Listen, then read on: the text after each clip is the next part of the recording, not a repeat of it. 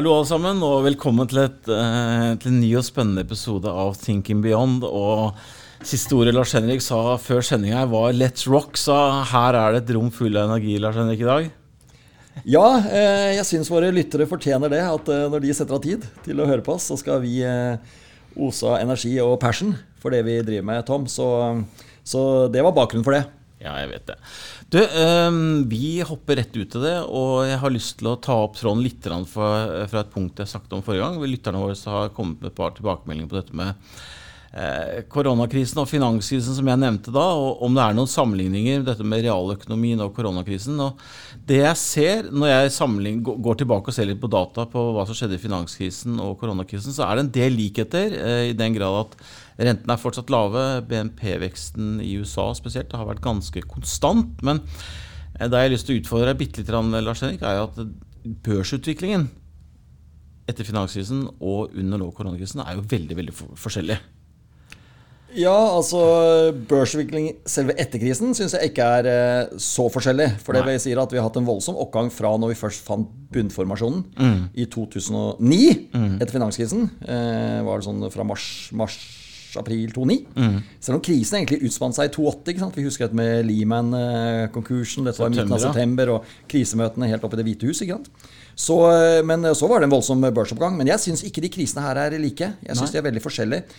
Finanskrisen utspant seg litt over en litt periode. Eh, ting gikk fra vondt til verre hele tiden. Og, eh, og, vi starter jo egentlig den nedturen hvis vi er året i forkant. Vi, vi, hadde liksom de første konkursene som kom i, i forkant. og Første fond som ble avviklet og slike ting halvannet år i forkant. Da, selve, Bear Stearns selve påsken. Bear Stern, ikke sant? Det var jo påsken 2.7, så vidt jeg mm, husker. Mm. Mm. April-mai. Uh, så dette, dette ut som det var lang lang tid. Og så kulminerte dette her etter, etter, sommeren 2008. Selv altså i eh, den våren og sommeren 2008 så var det jo uttalelser om at dette bare skulle være også fra norske strateger, men også internasjonale aksjestrateger, at dette liksom i verste fall var en liksom litt lokal amerikansk krisetilstand. Mm. Og så ble det jo en global nedsmelting. Mm. Finanskrisen var en systemkrise. Det har ikke korona vært. Du kan si systemkrise på den måten at uh, landegjelden har bare økt og økt og økt. Mm. Men, men uh, hvis vi ser på finanskrisen, så var det en systemkrise langt, langt inn i det finansielle systemet. Mm. Og det var dramatikken med det her sånn. Og det som skjedde i etterkant av finanskrisen, det var da de virkelig store stimuliprogrammene, altså med disse pengepolitiske tiltak Altså pengepolitikk eh, er at du stimulerer via lav, lav pris på penger, altså lave renter. Mm. Og så har, du, så har, du, sånne finanspolitiske hvor du kan stimulere øk økonomien med krisepakker eller lavere skatter eller slike ting. Lavere avgifter. Så, men eh, hele ettertiden etter finanskrisen har jo hele oppgangen som har vært i mer eller mindre alle realaktiva, eiendom og aksjer og alle steder har tatt risiko, har vært drevet fram at eh, penger nesten ikke har hatt noe kostnad. Det har vært eh, nesten gratis å låne, og avkastningskravet ditt har vært nesten ned mot null mm. i mange sammenhenger. Så veien har rent over av likviditet, og likviditeten har vært billig. Og da går alle risikoaktiva opp. Mm. Det som skjedde i covid-krisen, altså i mars, det var et sjokk. Ja, vi hørte litt om det i januar og februar, så, så snakket vi litt, men det, var jo, det kom jo som et, denne, denne, globale nedstengningen som gradvis kom i, i, i mars-april. Mm. Det var jo betraktet som et sjokk for markedet. Vi var på ganske bra track. altså Økonomien var bra, alt fungerte. Men eh, vi hadde i forkant da begynt å snakke om inflasjon og sånn når den kommer etter nå ti år med lave renter. Så, så, nei, det er ikke det samme. Det som er eh, hovedforskjellen nå, er når vi står ved utgangen av krisen nå etter finanskrisen, så snakker man om hvor lave rentene skal være og hvor lenge. Mm. Altså lower for longer. Nå snakker man om når kommer inflasjonen. Og det er to vidt forskjellige ting hvor du er nå. Både hva gjelder rentebanen fremover. Den er mm. bratt fremover. Den gang var den jo veldig reversert invers. Mm. Uh, og nå er den veldig bratt oppover, som jeg har sagt om før. Så dette er bare et lite bilde. Jeg syns det er to forskjellige ting. Mm. Hver kriser har sitt navn. Mm. Denne er forskjellig. Det blir et utrolig spennende 2021, Tom. Nemlig. Du, en, Et annet poeng um, som vi snakket litt om sist, hvor jeg spurte deg om du så noen form for dreining. Vi har diskutert dette med vekst og, og verdi flere ganger tidligere i andre sendinger. Um, lyst til å følge opp det litt i dag. Lars for at det, eh, Vi ser jo nå at mange av de sektorene som var vinnere i fjor, nå i februar også har uh, møtt litt motstand, for å bruke de ordene? Ja, vi ser det. det er, vi så spesielt i februar. Da skjedde det et eller annet i midten av februar, altså mer presist rundt 17.-18. februar. Da, da, da spredde disse faktorene ut. Altså Vi har snakket om verdi og vekst som to viktige faktorer i markedet. Hvis vi tvinger alle aksjene inn i én av de lommene. Mm. Og Da så vi at uh, siste halvdel av feb februar så ble det sterkt fordel av verdifaktoren. Den gjorde 5% bedre som gruppe enn vekstfaktoren. Og for å gjøre det litt billedlig, det vi kan snakke om, hva, hva, hva kjennetegner de to forskjellige gruppene av aksjer? Den ene er mer disse her fuglene du har i hånden. Altså det, det, er veldig, det, er liksom, det, det, er veldig, forutsigbart. Det er veldig verdifast. Eh, de, de aksjene som ligger i der, disse, disse, fuglene du har i hånden. Mm. Mens, mens, mens, vekstaksjene har mer vært disse fuglene på taket. Og de vil gjerne spille på når det er liten risiko å spille på dem. Og liten risiko er det når f.eks. renta er lav. Mm. Når renta er lav, da kan du ha tro på pengestrømmer som ligger langt, langt, langt frem i tid. Ikke sant? Mm. Og hvis det blir suksess, så, ikke, så, så, blir det bra, for diskonteringsfaktoren ned er ikke særlig høy mm. når renta er lav. ikke sant? Mm.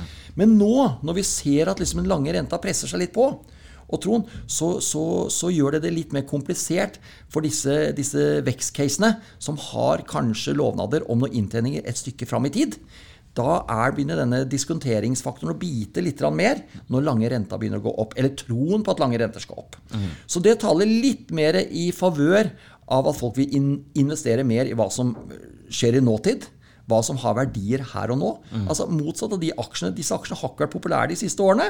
For det er nettopp denne, dette veddemålet, spillet på disse forretningsmodellene langt fram i tid. Disse fangaksjene og slike ting. Mm. Nå tjener de gode penger, men eh, de er høye multipler for det skal bli enda bedre langt langt fram i tid. ikke sant? Og Derfor har de vært høypriset. Den type aksjer ser vi sliter i år. Vi ser at Apple er ned 12% i år i lokal valuta. Ned 12 mm. Facebook er ned 10 mm. En annen Tesla det er ikke en Fang-aksje, men det er ned 20% Så det skjer noe. Mm. Mens en del av disse aksjene gjorde det dårlig i fjor, og gjort det dårlig de siste årene, men spesielt dårlig i fjor, disse koronaaksjene. Eh, bank, hotell, catering, reiseliv, litt industri. Eh, syklisk det gjør det bedre. Mm. Og det ser vi også gagner seg i våre fond. Så de fondene våre som er mot de strategiene, har gjort det best i år. Mens de fondene som gjorde det best i fjor, sånn som Sands-forvalteren vår, er dårligst i år. For den har mest aksjer av de som er disse kalde fuglene på mm. taket. Mm. aksjene. Spennende. Eh, veldig bra, eh, Lars Henrik. Eh, vi må jo snakke litt eh, olje, selv om vi har gjort det mange, mange ganger før. Men det er, ja, det er blitt altfor lite de siste gangene, ja, Tom, så er det på tide. Ja, så bra. Eh, det har jo skjedd litt siden sist. Vi, det var jo et um, ministermøte, er vel riktig ord å bruke, forrige ja. torsdag. Uh, uh, kan du ikke oppsummere litt hva som skjedde der? Det satt i hvert fall fart på oljeprisen, men har justert seg litt igjen. men... Ja, for det er nå bestemt at det kommer jo ikke noe mer. Nå vet vi at det ble holdt igjen på, på volumer nå gjennom vinteren fra OPEC, OPEC pluss. Og nå sier de også at det blir ikke, det skal ikke komme noe ekstra supply fra OPEC, OPEC pluss samlet sett i april heller. Så selv om dette, det kommer da eventuelt mer volum i mai, og sånne ting, så er det sånn når, de, når banen liksom holdes lav mm. lenger, så betyr det at det blir mindre, da spiser du mer av lageret. Og eh, det blir en bedre og bedre eh, supply-demand-situasjon, altså tilbud-etterspørselssituasjon, når vi ser gjennom 2021 og faktisk også inn i 2022. Mm. Så det som skjer, er at vi ser en ekstremt vellykket politikk fra OPEC, OPEC pluss, som heter dette med price over volume. Altså at prisen er viktigere enn volumet ut. Mm. Og jeg har jo brukt dette som aksjeanalytiker mange ganger når jeg har analysert selskaper. Så har jeg kalt det 'value before volume'. Mm. Jeg vil se verdi foran et volumtankesett. Mm. Iallfall må volum være hengt opp på en eller annen, noen, noen, noen, skal vi si, noen avkastningsmessige prinsipper eller avkastningsmessige størrelser. Eh, det beste eksempelet mitt er jo når jeg tok eh, Statoil i 2011, tror jeg det var. Når de kom ut med sin, eh, sin mislykkede strategi den gang, under Helge Lund. Det var, det, da kom de ut med en helt ny strategi, som var en ren volumstrategi mm. fram mot 2020. Hvor de skulle opp i 2,5 millioner fat om dagen. De nevnte ingenting i den strategien der som hekta det volumet mot noen verdimåltall. Og jeg tok dem, og flere etter hvert òg, eh, hardt. Og de reverserte den strategien et halvannet år senere. Da ble presset for stort. Du kan altså ikke drive en ren volumstrategi uten å henge det på noe lønnsomhetsmål. Mm. Det, altså, det, det, det, faller på stengrunn, iallfall hos analytikere. Også in investorer. Så det var en meningsløs strategi. og Derfor sier jeg 'value before volume'. og Det er det OPEC driver nå. Mm. Uh, de tenker bare pris, som er altså deres uh, verdi. Eh, foran volumene. Og det har vært veldig vellykket. Og eh, når de har en så vellykket samarbeid innad i OPEC og OPEC pluss, eh, Og samtidig som man har et fremtidstro på økonomien og etterspørselen opp, så skaper det et veldig spennende moment og lønnsomt moment for de som er long aksjer nå innenfor olje, og de som er long oljefat, altså ren på pris. Så nå nærmer det seg 70 dollar. Den har vel vært tippet over 70, så vidt jeg husker, men nå er, akkurat nå er den sånn 68-69 dollar. Og det er i samsvar. Det som skjer nå, er veldig samsvar med hva vi har snakket om, Tom, gjennom, gjennom eh, vinteren. Så jeg, eh, jeg digger det som eh, OPEC nå gjør, og at de får det til. Eh, price over volume, eller verdi eh, over volum.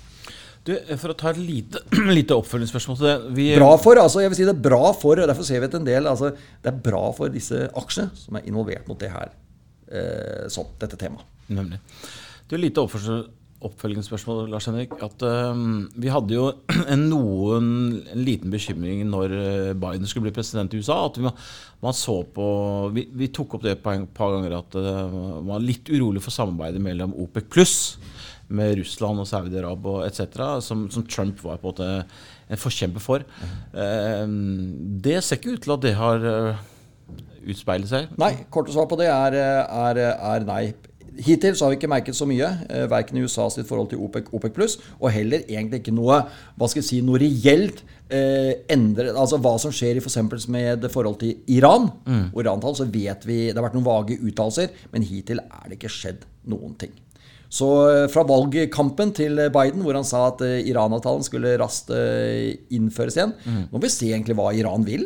Nå er det en komité som har satt det. Det er nok det er et diplomatisk prat her nå. Men eh, hva som skjer, det vet vi ikke. Så markedet er ikke redd for at plutselig det skal komme masse volumer fra Iran, som det er nå. Eh, og i den grad de volumene kommer, så ser også markedet være i stand til å håndtere det. Veldig bra.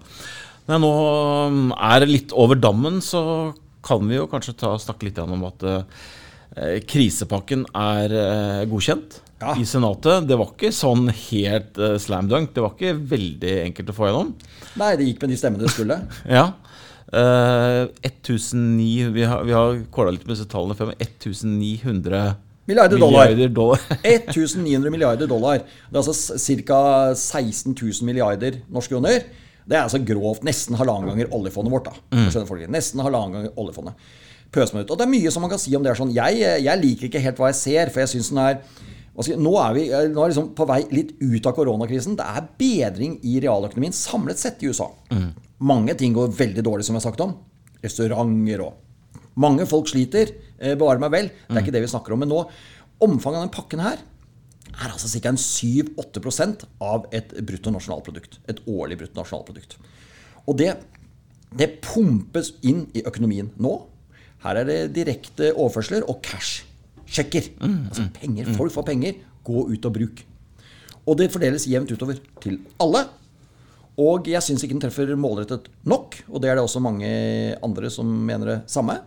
Og dette her er et eh, eksperiment som ikke er prøvd før. At du pumper ut altså 7-8% av et bruttonasjonalprodukt. Såpass eh, bra man er på vei ut av krisen nå, hvis dette med vaksiner virker og alt ordner seg, så kan det vise seg å komme på et eh, litt, litt sent tidspunkt og føre til en voldsom inflatorisk effekt der framme. Så det er, eh, det er det som er faren. Og da er det et problem hvis vi får masse inflasjon nå uten at økonomien henger helt med å bli ordentlig fiksa. Fordi det treffer ikke målrettet nok. Da kan vi få dette med litt sånn stagflasjon. Altså inflasjon, men uten økonomisk vekst. Det har vi snakket om i et tema før. Så pakken er godkjent eh, i hele Kongressen nå. Og, eh, og nå får vi se hvordan dette vil utspille seg fremover. Og det er mange meninger rundt denne her, og nå har dere hørt min også.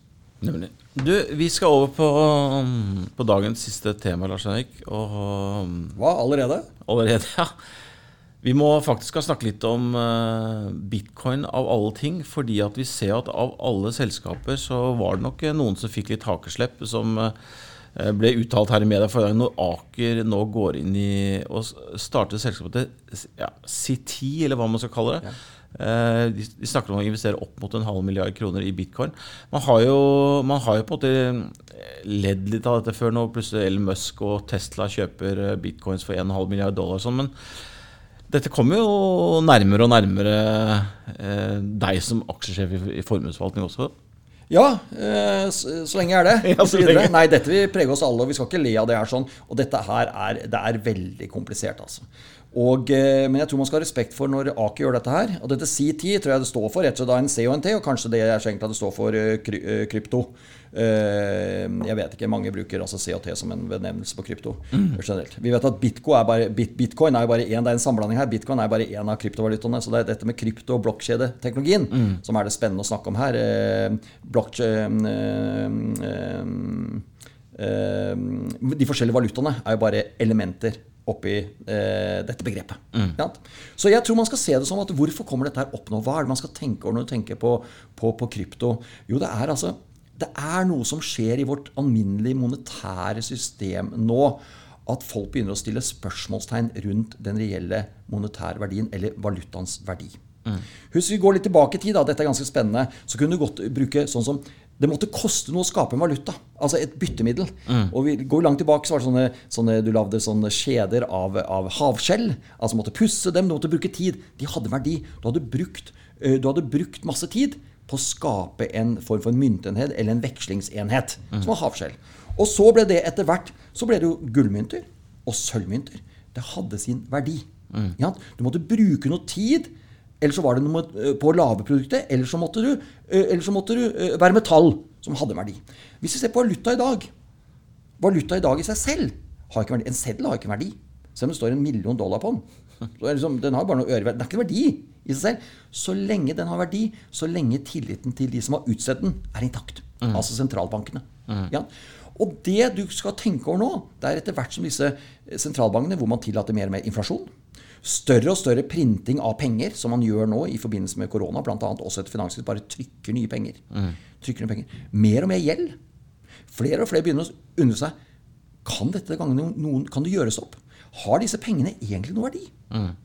Og da er spørsmålet disse, disse bitcoin, kryptovalutaene, de har jo en verdi pga. at det må legges veldig mye innsats i å mine de eller grave de fram. Altså finne, bruke tid, strøm, for å finne din del av denne blokkjeden. Så vi er litt tilbake til tankesettet som det var før i tiden. Jeg nevnte om disse havskjellkjedene. En av gull- og sølvmynter. De hadde en reell verdi. En blokkjedeenhet. Har, den er desentralisert. Ikke noe med sentralbanken å gjøre. Den har også en verdi. For du skal legge ned masse arbeid for å få ut din andel av den. Så jeg er litt tilbake til at den vil, og det tror jeg folk skal begynne å tenke over, at dette er jo enheter som har en verdi. I motsetning til dagens pengeenheter, som ikke har noen verdi, hvis ikke sentralbanken klarer å opprettholde tilliten til den myntenheten.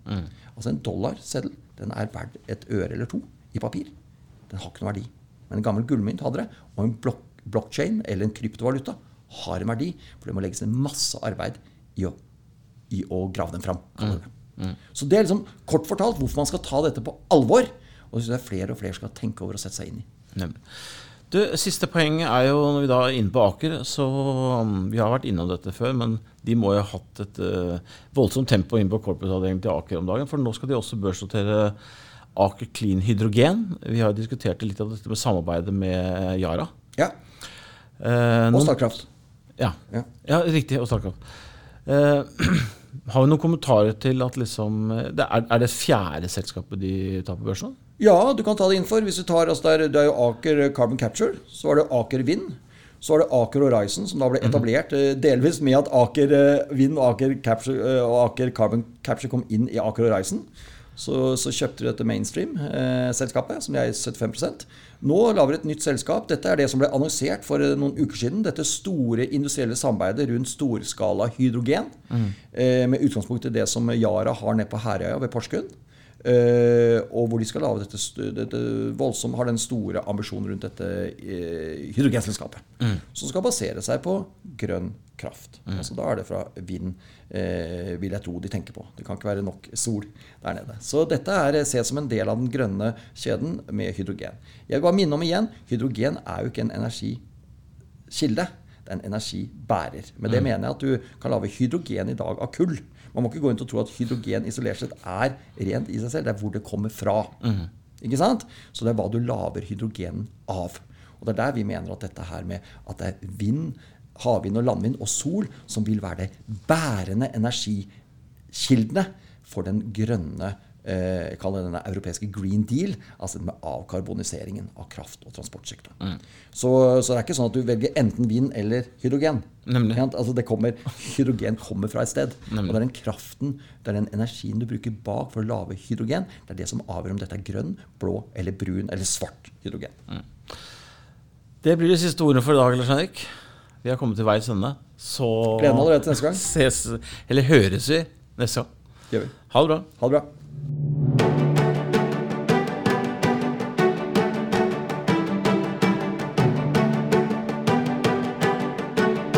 Hørt på Thinking Beyond, en podkast fra Formuesforvaltning.